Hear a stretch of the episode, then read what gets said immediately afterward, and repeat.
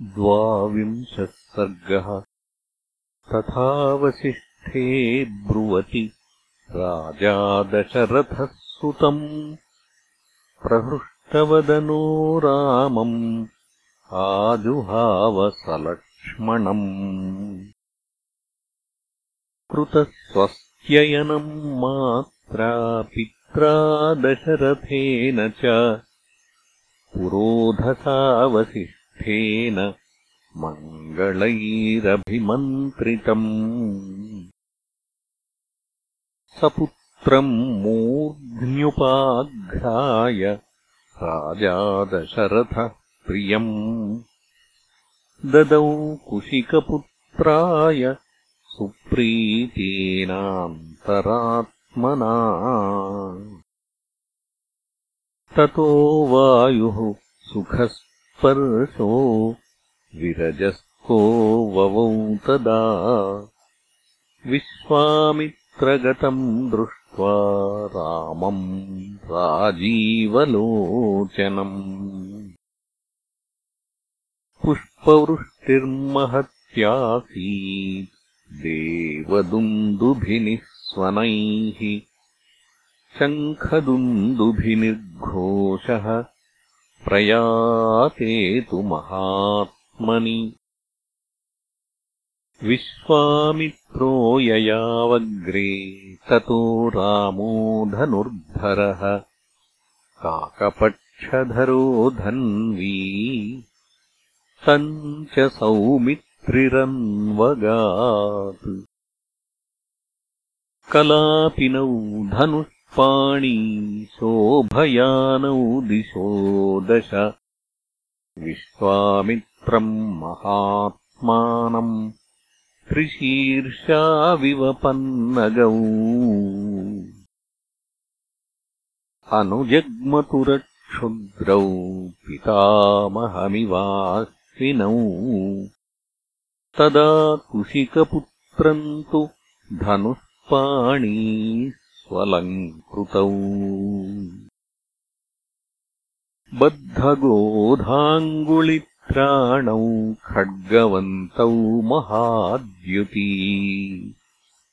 कुमारौ चारुवपुषौ भ्रातरौ रामलक्ष्मणौ। अनुयातौ श्रियादीप् शोभयेतामनिन्दितौ स्थाणुम् देवमिवाचिन्त्यम् कुमाराविव पावकी अध्यर्धयोजनम् गत्वा सरैवा दक्षिणे तटे। रामेति मधुराम् वाणीम् विश्वामित्रोऽभ्यभाषत। गृहाणवत्ससलिलम् मा भूत्कालस्य पर्ययः। मन्त्रग्रामम् गृहाण त्वम् बलामतिबलाम् तथा। न श्रमो न ज्वरो वाति न रूपस्य विपर्ययः न च सुप्तम् प्रमत्तम् वा धर्शयिष्यन्ति नैर्वृताः न बाह्वोः सदृशो वीर्ये पृथिव्यामस्ति कश्चन। त्रिषु लोकेषु वै राम। न भवेत् सदृशस्तव न सौभाग्ये न दाक्षिण्ये न ज्ञाने बुद्धिनिश्चये। नोत्तरे प्रतिवक्तव्ये समो लोके तवानघ। एतद्विद्याद्वये लब्धे भविता नास्ति समः। बलात् त्वतिबला चैव सर्वज्ञानस्य मातरौ क्षुत्पिपासेन ते राम भविष्येते नरोत्तम बलामतिबलाम् चैव पठत पथि राघव गृहाण सर्वलोकस्य गुप्तये रघुनन्दन। विद्याद्वयमधीयानि यशश्चाप्यतुलम् त्वयि पितामहसुते येते विद्ये तेजः समन्विते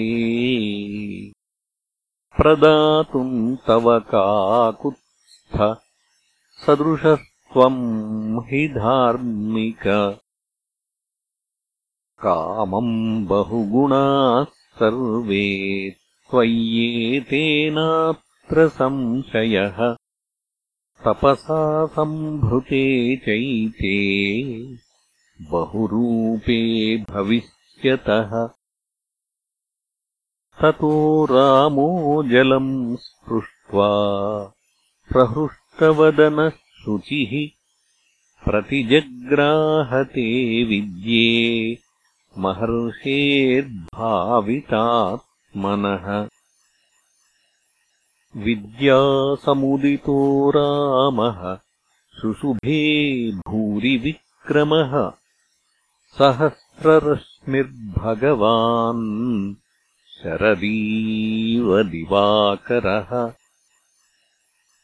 गुरुकार्याणि सर्वाणि नियुज्य कुशिकात्मजे। ऊषुस्ताम् रजनीम् तत्र सरैवाम् सुसुखम् त्रयः दशरथनृपसूनुसत् तमाभ्याम् तृणशयनेऽनुचिते सहोषिताभ्याम् कुशिकसुतवचोऽनुलालिताभ्याम् सुखमिव सा विबभौ विभावरी च। इत्यार्षे श्रीमद् रामायणे वाल्मीकीये आदिकाव्ये बालकाण्डे द्वाविंशः सर्गः